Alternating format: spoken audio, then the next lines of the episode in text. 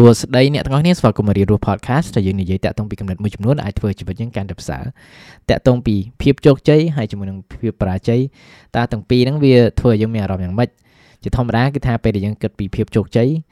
ការដែលយើងអាចមានភាពជោគជ័យឬក៏ការដែលយើងជោគជ័យទៅលើអ្វីមួយហ្នឹងគឺតែងតែធ្វើឲ្យយើងមានអារម្មណ៍ល្អទៅហើយតាក់ទងពីភាពបរាជ័យវិញតើវាធ្វើឲ្យយើងមានអារម្មណ៍យ៉ាងម៉េចប្រហែលជាផ្ទុយពីហ្នឹងឯងត្រូវតែថាវាធ្វើឲ្យយើងអត់សូវមានអារម្មណ៍ ល្អហើយបើយើងនិយាយតាក់ទងពីភាពជោគជ័យហ្នឹងក៏វាជាប្រធានបទមួយដែលថាវាល្បីល្បាញដែរដែលថាយើងអាសាលើកបញ្ញ័យធ្វើយ៉ាងម៉េចដើម្បីជោគជ័យ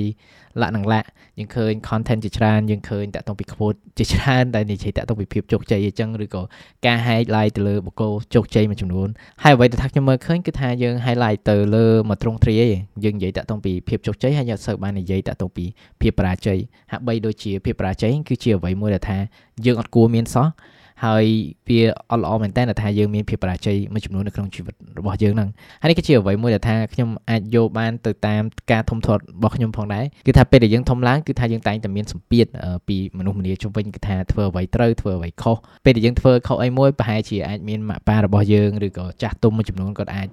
ថាឲ្យឬក៏គាត់អាចនិយាយអញ្ចឹងតែថាធ្វើឲ្យយើងមានភាពភ័យខ្លាចក្នុងការបង្កើតកំហុសឬក៏ភាពបរាជ័យឬក៏វាអាចមកពីសម្ពាធនិងការរំពឹងទុកផ្សេងផ្សេង គាត់ចង់ឲ្យយើងធ្វើនេះគាត់ចង់ឲ្យយើងធ្វើនោះហើយមួយទៀតគឺថានៅក្នុងរយៈពេលមួយថាយើងសិក្សានៅក្នុងសាលាយើងក៏ អាចបង្កើតនូវភាពភ័យខ្លាចកាន់តែច្រើនផងដែរព្រោះថាការដែលយើងប្រឡងគឺយើងខ្លាចមែនតើក្នុងការសេអ្វីមួយឬខុសហើយយើងខ្លាចមែនតើក្នុងការឆ្លើយសំណួរខុសឬក៏ធ្វើអីមួយដែលថាអាចប៉ះពាល់បន្ទុករបស់យើងហើយមិនត្រឹមតែប៉ុណ្្នឹងហើយយើងខ្លាចធ្លាក់យើងមានអារម្មណ៍ថាប្រសិនបើយើងធ្លាក់គឺថាជីវិតយើងគឺថាវាអត់អាចទៅមុខបន្តទៀតបានគឺថាយើងនៅគាំងនៅថ្នាក់នឹងឆ្នាំក្រោយទៀតហើយមិនត្រឹមតែប៉ុណ្្នឹងឯងការសិក្សាទាំងនោះក៏វាមានការប្រកួតប្រជែងដែរមានអ្នកជាប់លេខ1អ្នកជាប់លេខ2ហើយពេលដែលយើងជាប់លេខបាតថ្នាក់ឬក៏ ក្រមវគ្គកដាថ្នាក់ក៏វាមិនមែនជាអ្វីមួយដែលថាធ្វើឲ្យយើងមានអារម្មណ៍ល្អដែរព្រោះថាយើងចាប់ផ្ដើមប្រៀបធៀបខ្លួនឯងជាមួយនឹងអ្នកដទៃហើយដល់ហេតុនោះហើយបានយើងចាប់ផ្ដើមមានភាពភ័យខ្លាចកាន់តែច្រើនតាក់ទងពីភាពបរាជ័យហ្នឹងប៉ុន្តែបើសិនបើយើងមើលតាក់ទងពីភាពជោគជ័យក៏វាមិនខុសឆ្ងាយតាក់ទងពីភាពបរាជ័យដែរ ព្រោះថាការដែលយើងអាចជោគជ័យទៅលើអ្វីមួយវាតម្រូវឲ្យយើងធ្វើការទៅលើទាំងអស់ហ្នឹងយើងហ៊ានមានទាំងអស់នោះគឺជាគោលដៅហើយជាពិសេសយើងហ៊ានខិតខំនិងប្រឹងប្រែងក្នុងការធ្វើអ្វីមួយថ្មីថ្មីដើម្បីជួយយើងទៅដល់គោលដៅហ្នឹងហើយនៅក្នុងដំណើរហ្នឹងវាតែងតែមានភាពបរាជ័យមួយចំនួនឬក៏កំហុសមួយចំនួនដែលថាយើងមានតាមផ្លូវដែលថាយើងអាចរៀននិងយល់ដឹងអញ្ចឹងទាំងពីរហ្នឹងគឺថាវាទៅស្របទៅមួយវាមិនអាចមួយថាអូបើយើងបរាជ័យគឺថាយើងបរាជ័យប៉ុន្តែ បើសិនបើយើងមើលមកវាគឺជា opportunity មួយដែលថាយើងអាច learn ឬក៏យើងអាចសិក្សាដើម្បីពង្រឹងខ្លួនយើងដើម្បីបន្តដំណើរទៅកន្លែងមួយឬក៏គោលដៅមួយដែលយើងចង់ទៅនោះគឺជាអ្វីមួយដែលថាជួយគឺថាវា exist ជាមួយគ្នាវាមិនមែនថាយើងមួយគឺអត់មួយទេត្រូវហើយបើសិនបើយើងមើលបែបហ្នឹងគឺថាបើសិនបើយើង មានភាពភ័យខ្លាចក្នុងការមានភាពបរាជ័យ គឺយើងមិននឹងធ្វើនៅអ្វីមួយថ្មី គឺថាយើងនឹងមិនចាប់ផ្ដើមធ្វើអ្វីមួយដែលថាយើងចង់ធ្វើដើម្បីជួយយើងទៅដល់គោលដៅយើងឯងជាធម្មតាយើងតែងតែស្វះស្វែងរកពីកលឹះអីខ្លះដែលថាយើងគួរធ្វើដើម្បីមានភាពជោគជ័យប៉ុន្តែបើសិនបើភាពបរាជ័យគឺថាវាសំខាន់សម្រាប់ក្នុងការមានភាពជោគជ័យផងដែរអញ្ចឹងអ្វីដែលថាយើងគួរតែចាប់ផ្ដើមធ្វើគឺថារៀនបរាជ័យតើយើងបរាជ័យរបៀបម៉េចព្រោះថាការដែលយើងហ៊ាននឹងការចេះមានភាពបរាជ័យមួយដែលល្អ គឺថាវាជាអ្វីមួយដែលថាធ្វើឲ្យយើងលែងខ្លាចតាក់ទងពីភាពបរាជ័យវាធ្វើឲ្យយើងហ៊ានជាងមុនមានភាពក្លាហានជាងមុនក្នុងការធ្វើអ្វីមួយដែលពិបាកអ្វីមួយដែលថ្មីហើយមិនត្រឹមតែប៉ុណ្ណឹងក៏វាធ្វើឲ្យយើងមានភាពរឹងមាំហើយប្រកែជាងមុនដែលជួយយើងដើម្បីវិវត្តខ្លួនទៅមុខដែលធ្វើខ្លួនយើងអាចក្លាយជាមនុស្សម្នាក់ដែលថាយើងអាចមានភាពជោគជ័យទៅលើអ្វីដែលយើងចង់ធ្វើហ្នឹងហើយបើសិនមកយើងនិយាយតាក់ទងពីការបង្រៀនខ្លួនឯងពីភាពបរាជ័យហ្នឹង តើអ្វីខ្លះទៅដែលថាយើងទាំងអស់គ្នាអាចធ្វើបានទីមួយគឺថាយើងរៀនការពារនិងរៀបចំខ្លួនឯងពីការមានភាពបរាជ័យហ្នឹងជាធម្មតាគឺថាពេលដែលយើងមានភាពបរាជ័យវាតែងតែមានឥទ្ធិពលមកលើយើងហ្នឹងត្រូវទេគឺថាវាអាចធ្វើឲ្យយើងមានអារម្មណ៍ល្អយើងអាចមានអារម្មណ៍ stress ឬក៏អាចមានអារម្មណ៍ថា lonely អីចឹងមកហើយបើសិនមកយើងមើលមកគឺថាទាំងអស់នោះគឺជាអ្វីមួយដែលថាយើងអាចមានតើយើងអាចត្រៀមខ្លួនយ៉ាងម៉េចដើម្បីពេលដែលភាពបរាជ័យហ្នឹងវាកើតឡើងគឺថាវាអាចប៉ះពាល់យើងខ្លាំងបានតែប៉ុណ្្នឹង គឺថាយើងដកភាគរយនៃអត្តពលដែលថាវាអាចមានហ្នឹងអានេះគឺជាអ្វីមួយដែលថាខ្ញុំទៅរៀន lie ថ្មីថ្មីដែរព្រោះថាការដែលសប្តាហ៍នេះខ្ញុំបានចាប់ផ្ដើមហាត់ក្បាច់គុនអញ្ចឹងណាហើយក្នុងក្បាច់គុនហ្នឹងគឺថាវាតម្រូវខ្ញុំធ្វើ acrobatic movement acrobatic ហ្នឹងដូចថាហ៊ានអាឡាធានប៉ាហ៊ីអញ្ចឹងហើយការដែលធ្វើបែបហ្នឹងគឺថាវាជាអ្វីមួយដែលថាធ្វើឲ្យខ្ញុំមានភាពភ័យខ្លាចដែរព្រោះថាដោយសារអីព្រោះថាពេលដែលលោតឡើងត្រឡប់ខ្លួនមកក្រោយអីហ្នឹងគឺ វាមិនមែនជាអ្វីមួយខ្ញុំធ្លាប់ធ្វើហើយណាមួយតែងតែមានភាពភ័យខ្លាចថាអូបើខ្ញុំលោតទៅអត់ស្រួលខ្ញុំទប់ខ្លួនឯងជាប់បន្តិចខ្ញុំបាក់កបន្តិចខ្ញុំ slam ខ្លួនឯងត្រូវនឹងឥត ជាមួយនឹងខ្នងខ្ញុំអីចឹងហើយការដែលមានការប៉ះទង្គិចបែបហ្នឹងក៏វាធ្វើឲ្យខ្ញុំមានរបួស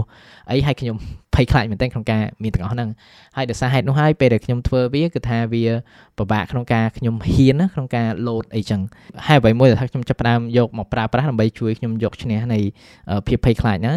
គឺថាយើងរៀនជួយខ្លួនឯងឧទាហរណ៍ថាប៉ះសិនបើខ្ញុំរៀនធ្វើ handstand handstand ហ្នឹងគឺថាបញ្ឈរខ្លួនយកដៃបញ្ឈរទាំងពីរហើយខ្លួនយើងត្រង់ទៅលើហ្នឹង ហើយបើសិនបើខ្ញុំអាចរៀបនឹងធ្លាក់គឺថាខ្ញុំអាចបរៀនខ្លួនឯងក្នុងការលើកដៃមួយជាហៀងទប់មួយជាហៀងទៀតនិយាយគឺថាពិបាកបន្តិចក្នុងក្នុងការបញ្យល់ដល់ទៅបង្ហាញប៉ុន្តែវាជា activity មួយដែលថាគេតែងតែធ្វើរៀនដំបងដំបងគឺថាពេលដែលយើងធ្វើបែបហ្នឹងគឺថាពេលដែលយើងចិត្តរលំគឺថាយើងចាប់ផ្ដើមចេះជួយខ្លួនឯងកុំឲ្យធ្លាក់មកគឺថាវាត្រូវកឬក៏ត្រូវមុខឬក៏ត្រូវ កន្លែងចំណុចខ្លួនយើងដែលថាវាសំខាន់អីចឹងហើយមួយទៀតគឺថាបើសិនបើខ្ញុំរៀនអាឡាទៅមុខដោយប្រើដៃគឺអ្វីមួយដែលថាខ្ញុំកំពុង practice ដែរហ្នឹងគឺថាបរៀនខ្លួនឯងទម្លាក់ចង់និយាយថាធ្វើ headstand ហើយទម្លាក់ជើង ទៅមុខមុនគឺថាការដែលធ្វើបែបហ្នឹងគឺថាខ្ញុំចាប់ផ្ដើមបង្រៀនខ្លួនឯងនៅចលនាតូចតូចមួយចំនួនដើម្បីជួយខ្លួនឯងបើសិនបើវាខុសនឹងប៉ះទង្គិចអីចឹងហើយនេះគឺជាឧទាហរណ៍របស់ខ្ញុំនិយាយតាក់ទងពីក្បាច់គុណអីចឹងប៉ុន្តែយើងអាចនិយាយតាក់ទងពីឧទាហរណ៍បែបផ្សេងផ្សេងទៀតដោយឧទាហរណ៍ថាបើសិនបើអ្នកទាំងអស់គ្នាចង់ធ្វើការវិនិយោគចុះឬក៏ចង់មាន business ខ្លួនឯងចុះហើយអ្វីមួយដែលថាយើងគួរក្នុងការត្រៀមខ្លួនឯង ក្នុងការមានភាពបរាជ័យហ្នឹងគឺថាយើងចាប់ផ្ដើមមានលុយមួយចំនួនដើម្បីការពារខ្លួនឯងដោយឧទាហរណ៍ថាបើខ្សែធនឬក៏អ្វីដែលយើងវិនិយោគហ្នឹងគឺទៅបាត់អស់ឬក៏ខាតច្រើនយ៉ាងណាក៏យើងមានសល់លក្ខណៈដូចថាលុយសន្សំមួយចំនួនដែលថាអាចជួយឲ្យយើងរស់ក្នុងរយៈពេលដូចថា3ខែទៅ6ខែទៅមុខបើសិនមកយើងអត់មានចំណូលអីចឹងនេះគឺជាអ្វីមួយដែលថាវាជួយ ក្នុងការកាត់បន្ថយនៅឥទ្ធិពលដែលថាយើងអាចមានពីភាពបរាជ័យទាំងអស់ហ្នឹងមិនមែនមានន័យថាឱកាសដែលយើងទៅ all in ទេយើងអាចធ្វើអញ្ចឹងប៉ុន្តែវាដូចលក្ខណៈដូចថា gamble ដូចជាលបែងអញ្ចឹងដែលថាយើងដាក់ចូលទាំងអស់ទាំងអស់ប៉ុន្តែការដែលយើងមើលមកគឺថាតើខ្ញុំធ្វើយ៉ាងម៉េចតើអ្វីខ្លះខ្ញុំអាចធ្វើដើម្បីត្រៀមខ្លួនឯងការពារខ្លួនឯងពីភាពបរាជ័យហ្នឹងបើសិនបើខ្ញុំបរាជ័យហ្នឹងតើអ្វីខ្លះដែលថាខ្ញុំអាចធ្វើនៅពេលនេះដើម្បីត្រៀមខ្លួនខ្ញុំពីភាពបរាជ័យទាំងអស់ហ្នឹងហើយមួយទៀតគឺថាអាចបន្ថយនៅអត្តពលដែលថាវាអាចមានមកលើខ្ញុំទី2គឺថាយើងចាប់ផ្ដើមគិតតាក់ទងពី recovery ដោយឧទាហរណ៍បើសិនបើយើងមានភាពបរាជ័យអីមួយវាតែងតែប៉ះពាល់អារម្មណ៍យើងវាតែងតែប៉ះពាល់ផ្នែកផ្សេងៗនៅក្នុងជីវិតយើងហ្នឹងត្រូវទោះបីជាយើងខំត្រៀមខ្លួនឯងនឹងកាត់កងតាក់ទងពីអត្តពលមួយចំនួនថាវាអាចមានក៏វានៅតែមានអត្តពលមួយចំនួនមកលើអារម្មណ៍យើងមកលើខ្លួនយើងមកលើផ្នែកផ្សេងផ្សេងនៅក្នុងជីវិតរបស់យើងហើយអ្វីដែលថាយើងគួរតែបង្រៀនខ្លួនឯងដើម្បី recover តាក់ទងពី អត្តពលដែលថាយើងមានពីភាពបរាជ័យទាំងអស់ហ្នឹងគឺថារៀន regulate តាក់ទងពីអារម្មណ៍របស់យើងហ្នឹងគឺថាពេលដែលយើងមានអារម្មណ៍ល្អពីភាពបរាជ័យទាំងអស់ហ្នឹងតើយើងគិតមើលតើយើងអាចធ្វើអ្វីខ្លះដើម្បីធ្វើឲ្យយើងមានអារម្មណ៍ល្អវិញឬក៏មានអ្នកចិត្តស្និទ្ធណាខ្លះដែលថាយើងអាចនិយាយជាមួយនៅពេលដែលយើងមានបញ្ហាទាំងអស់ហ្នឹងឬក៏គាត់អាចជួយយើងអីខ្លះគឺថាវាសំខាន់មែនតើថាយើងចេះ self motivate ខ្លួនឯងហ្នឹងដូចចំពោះខ្ញុំតអញ្ចឹងគឺថាពេលដែលខ្ញុំមានអារម្មណ៍បែបហ្នឹងជាពិសេសគឺថាតាក់ទងពីភាពបរាជ័យអញ្ចឹង ខ្ញុំចូលចិត្តចំណាយពេលដូចថាទៅកន្លែងមួយដែលស្ងប់ស្ងាត់ហើយអង្គុយម្នាក់ឯងធ្វើអីមួយចឹងទៅឬក៏អានសភៅមួយចំនួនដែលថាខ្ញុំចូលចិត្តជាពិសេសគឺថាតាក់ទងពីទស្សនវិជ្ជាចឹងណាព្រោះថាវានិយាយតាក់ទងពីអារម្មណ៍ច្រើនអញ្ចឹងក៏វាអាចជួយឲ្យខ្ញុំយល់ដឹងតាក់ទងពីអារម្មណ៍ដែលថាខ្ញុំកំពុងមានមួយចំនួន ហើយខ្ញុំក៏ចូលចិត្តនិយាយជាមួយនឹងមិត្តភ័ក្តិដែលថាខ្ញុំចិត្តស្និទ្ធខ្លាំងហើយទាំងអស់ហ្នឹងគឺថាវាជាអ្វីមួយដែលជួយហើយពេលវេលាបែបហ្នឹងវាសំខាន់មែនតើថាយើងចិត្តល្អជាមួយនឹងពេលវេលាមកលើខ្លួនឯងគឺថាយើងអាចឲ្យខ្លួនឯងប្រហែលថ្ងៃឬក៏មួយអាទិត្យឬពីរអាទិត្យក្នុងពេលសម្រាប់អីទៅតាមតម្រូវការរបស់យើងក្នុងការ recover ពីអារម្មណ៍ទាំងអស់ហ្នឹងគឺយើងឲ្យពេលខ្លួនឯងខ្លះទៅព្រោះថាប៉ះសិនបើការគិតរបស់យើងនិងអារម្មណ៍របស់យើងវាអវិជ្ជមានខ្លាំងហើយប៉ះសិនបើយើងតត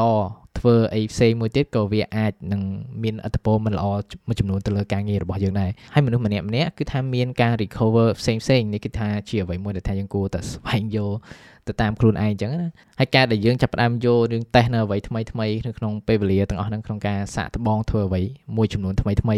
ដែលអាចជួយឲ្យយើង recover ពីអារម្មណ៍ហ្នឹងគឺថាយូរយូរទៅគឺថាវាជាអ្វីមួយដែលជួយចង់និយាយថាកាត់បន្ថយរយៈពេលនៃការ recover របស់យើងដែរដែលថាពីដំបូងគឺថាយើងចំណាយពេលមួយខែ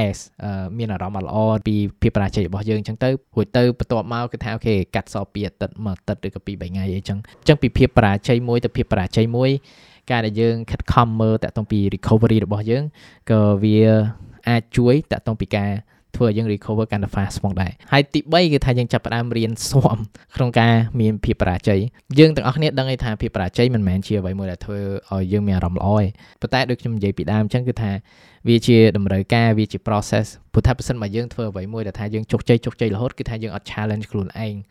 hard enough ទេហើយការដែលយើងចេះរៀនតាក់ទងពីភាពបរាជ័យទាំងអស់ហ្នឹងក៏វាជាអ្វីមួយដែលជំរុញយើងផងដែរតាក់ទងពីចំណុចហ្នឹងអ្វីមួយដែលយើងគួរចាប់ផ្ដើមធ្វើគឺយើងចាប់ផ្ដើមដកផ្លាក មួយចេញពីភាពបរាជ័យហ្នឹងគឺថាភាពបរាជ័យហ្នឹងជាអ្វីមិនល្អយើងដកផ្លាកមិនល្អហ្នឹងចេញព្រោះថាបើសិនបើយើងឲ្យតម្លៃវាជាអ្វីមួយដែលមិនល្អពេលដែលយើងមានវាប្រកាសជាយើងមានអារម្មណ៍មិនល្អឯង បើសិនបើយើងមើលថាអូភាពបរាជ័យហ្នឹងគឺគ្រាន់តែវាវាកើតឡើងវាកើតឡើងខ្ញុំអត់បានគិតថាវាមិនមែនជាអ្វីមិនល្អហ្នឹងវាកើតឡើងអូខេកើតឡើងខ្ញុំមើលពីភាពបរាជ័យទាំងអស់ហ្នឹងមកខ្ញុំអាចសិក្សាពីវាចឹងមកវាអាចជាអ្វីមួយដែលអាចប៉ះពាល់ក្នុងអារម្មណ៍របស់ខ្ញុំមួយចំនួនប៉ុន្តែខ្ញុំអត់គិតថាវាមិនល្អផងហ្នឹងហើយការដែលយើងដកផ្លាកហ្នឹងចេញគឺថាយើងចាប់ផ្ដើមមានភាពភ័យខ្លាច តិចជាងមុនតាក់ទងពីភាពបរាជ័យនៅថាយើងអាចមានហ្នឹងហើយមួយទៀតគឺថាពេលដែលយើងធ្វើការទៅលើគោលដៅឯមួយកុំផ្ដោតទៅលើភាពជោគជ័យកុំផ្ដោតទៅលើភាពបរាជ័យអ្វីដែលយើងគួរតែផ្ដោតលើគឺតើយើង try our best អត់គឺថាយើងធ្វើអស់ពីដៃអត់គឺថាយើងធ្វើឲ្យអស់ពីសមត្ថភាពអត់នេះគឺជាអ្វីមួយដែលសំខាន់បំផុតជាធម្មតាពេលដែលយើងគិតតាក់ទងពីភាពជោគជ័យនិងបរាជ័យគឺថាយើងគិតពីលទ្ធផលប៉ុន្តែយើងអត់មានការគ្រប់គ្រងតាក់ទងពីលទ្ធផលគឺថាយើងអត់គួរផ្ដោតទៅលើហ្នឹងពេលដែលយើងកំពុងធ្វើការលើវាលទ្ធផលគឺល្អក្នុងការពេលដែលយើងយកវាមក review អីប៉ុន្តែការដែលយើងធ្វើការងារសប្តាហ៍ថ្ងៃ អ្វីដែលយើងគួរធ្វើគឺធ្វើនៅអ្វីដែលនៅខាងមុខយើងហ្នឹងគឺការងារដែលយើងកំពុងធ្វើហ្នឹងបើសិនបើយើងអត់ធ្វើអាហ្នឹងទេក៏វាមិនមែនជាអ្វីមួយដែលជួយលទ្ធផលរបស់យើងដែរអញ្ចឹងយើងផ្ដោតទៅលើការងារដែលថានៅខាងមុខយើងយើងធ្វើអស់ពីដៃអត់ ព្រោះថាការបរាជ័យគឺមិនមែនការដែលមានលទ្ធផលមិនល្អទេព្រោះថាពេលខ្លះយើងអាចធ្វើការអស់ពីសមត្ថភាពមែនប៉ុន្តែនៅតែបរាជ័យធ្វើព្រោះថាវាមានកត្តាជាច្រើនដែលវាជំរុញតាក់ទងពីភាពជោគជ័យនិងភាពបរាជ័យនៃលទ្ធផលដែលថាយើងចង់បានហ្នឹងប៉ុន្តែយើងអាចយកអាភាពជោគជ័យនិងភាពបរាជ័យហ្នឹងយកមកដាក់ត្រឹមតែការងារដែលយើងធ្វើតើថ្ងៃនេះគឺខ្ញុំជោគជ័យឬអត់ក្នុងការ ធ្វើការឲ្យអស់ពីលទ្ធភាពដែលថាខ្ញុំអាចធ្វើបានហ្នឹងហើយការដែលយើងធ្វើបែបហ្នឹងគឺថាយើងផ្ដោតទៅលើតែសកម្មភាពរបស់យើងឯងគឺថាយើងបង្កើតកម្រិតជាមួយនឹងអារម្មណ៍ដែលយើងអាចមានទៅតាមលទ្ធផលហ្នឹងហើយពេលដែលយើងត្រូវមើលលទ្ធផលយើង review មកយើងអាចមើលទៅលើវាមកថាតើអ្វីខ្លះដែលថាយើងអាចយល់ដឹងពីភាពបរាជ័យឬក៏ភាពជោគជ័យនៅខែមុនហើយខែនេះខ្ញុំគួរធ្វើអីហើយថ្ងៃនេះខ្ញុំគួរធ្វើអីអញ្ចឹងយើងចាប់ផ្ដើមធ្វើវាមកហើយការដែលយើងបន្តធ្វើការលើវាម្ដងហើយម្ដងទៀត ហើយជាពិសេសគឺថារៀនធ្វើឲ្យខ្លួនឯងស៊ាំចាប់ផ្ដើមមានភាពបរាជ័យមួយចំនួនអីទាំងអស់ហ្នឹងក៏វាជាអ្វីមួយដែលជួយយើងក្នុងការយ៉ាវារងមាំជាងមុនក្នុងការ deal ជាមួយនឹងភាពបរាជ័យដែលថាយើងអាចមានហ្នឹងអញ្ចឹងយើងកុំភ័យខ្លាចពេកតាក់ទងពីភាពបរាជ័យជាពិសេសគឺថាយើងកុំដាក់ផ្លាកវាថាវាជាអ្វីមួយដែលមិនល្អពេលខ្លះគឺថាបើវាត្រូវបរាជ័យគឺបរាជ័យមិនថាយើងខំយ៉ាងណាត្រូវអាហ្នឹងវាស៊ីសងទៅលើតើអ្វីទៅដែលថាយើងចង់បាន ហើយមានកត្តាអីខ្លះដែលថាវាអាចជំរុញនៅភាពជោគជ័យរបស់យើងហ្នឹងព្រោះថាដូចនៅក្នុងអេពីសូតមួយដែលថាខ្ញុំធ្លាប់ធ្វើពីមុនអញ្ចឹងអឺដូចមានឈ្មោះថា success and luck ដូចថាភាពជោគជ័យនិងសំណាងគឺថានៅក្នុងភាពជោគជ័យបើយើងមើលទៅតាមលទ្ធផលគឺថាវាក៏មានឥទ្ធិពលពីសំណាងដែរហើយខ្ញុំ recommend អ្នកទាំងអស់គ្នា check episode ហ្នឹងមែនតើប៉ុន្តែ final message គឺថា very simple គឺថាផ្ដោតទៅលើការងារផ្ដោតទៅលើលទ្ធភាពរបស់យើងតែយើងធ្វើអស់ពីលទ្ធភាពអត់ បើយើងធ្វើអស់ពីលទ្ធភាពនោះគឺជាអ្វីមួយដែលល្អហើយកុំគិតច្រើនពេកពេលដែលយើងកំពុងធ្វើវាថាអូអានឹងជោគជ័យអត់អានឹងនឹងប្រាជ័យអត់ធ្វើវាមកបើយើងធ្វើអស់ពីដៃហើយនេះជាភាពជោគជ័យដែលថាយើងអាចមាននៅថ្ងៃនេះហើយហើយការដែលយើងមានភាពជោគជ័យពីមួយថ្ងៃទៅមួយថ្ងៃយើងផ្គុំចូលគ្នាវានឹងខ្លាយជាអ្វីមួយដែលថាវាល្អទោះបីជាលទ្ធផលដែលថាទៅតាមការចង់បាននៃភាពជោគជ័យរបស់យើងគឺថាយើងអាចបានមែនប៉ុន្តែយើងនឹងជោគជ័យក្នុងការបង្កើតខ្លួនយើងគឺជាមនុស្សម្នាក់មួយថ្មី មនុស្សម្នាក់មួយដែល discipline មនុស្សម្នាក់មួយដែលអង្អាចជាងមុនមនុស្សម្នាក់ដែលប្រកែជាងមុនហើយខ្ញុំគិតថានោះក៏ជាភាព ជោគជ័យមួយដែរដែលថាយើងអាចមានបានហើយសំណួរមួយដែលថាខ្ញុំមានសម្រាប់អ្នកទាំងអស់គ្នាថ្ងៃនេះគឺថាតើភាពបរាជ័យណាទៅដែលអ្នកទាំងអស់គ្នាមានមោទនភាពមែនតើក្នុងការមានវាហើយមេរៀនឯខ្លះដែលអ្នកបានរៀនពីភាពបរាជ័យទាំងអស់ហ្នឹងអញ្ចឹងអរគុណមែនតើក្នុងការស្ដាប់អេពីសូតថ្ងៃនេះខ្ញុំសង្ឃឹមថានេះគឺជាអ្វីមួយដែលមានប្រយោជន៍សម្រាប់អ្នកទាំងអស់គ្នាហើយជាពិសេសបើសិនបើរៀនរស់ podcast គឺជាអ្វីមួយដែលអ្នកទាំងអស់គ្នាចូលចិត្តស្ដាប់ហើយជាពិសេសគឺថាមានប្រយោជន៍សម្រាប់ជីវិតរបស់អ្នក អញ្ចឹងអ្នកទាំងអស់គ្នាអាច support podcast នេះនៅក្នុង patreon.com/manipatili អញ្ចឹងអរគុណមែនតើក្នុងការស្ដាប់ក្នុងការ support ផ្សេងផ្សេងអញ្ចឹងចាំជួបគ្នាថ្ងៃក្រោយក្នុងអំឡុងពេលនេះអភិវឌ្ឍខ្លួនជានិច្ច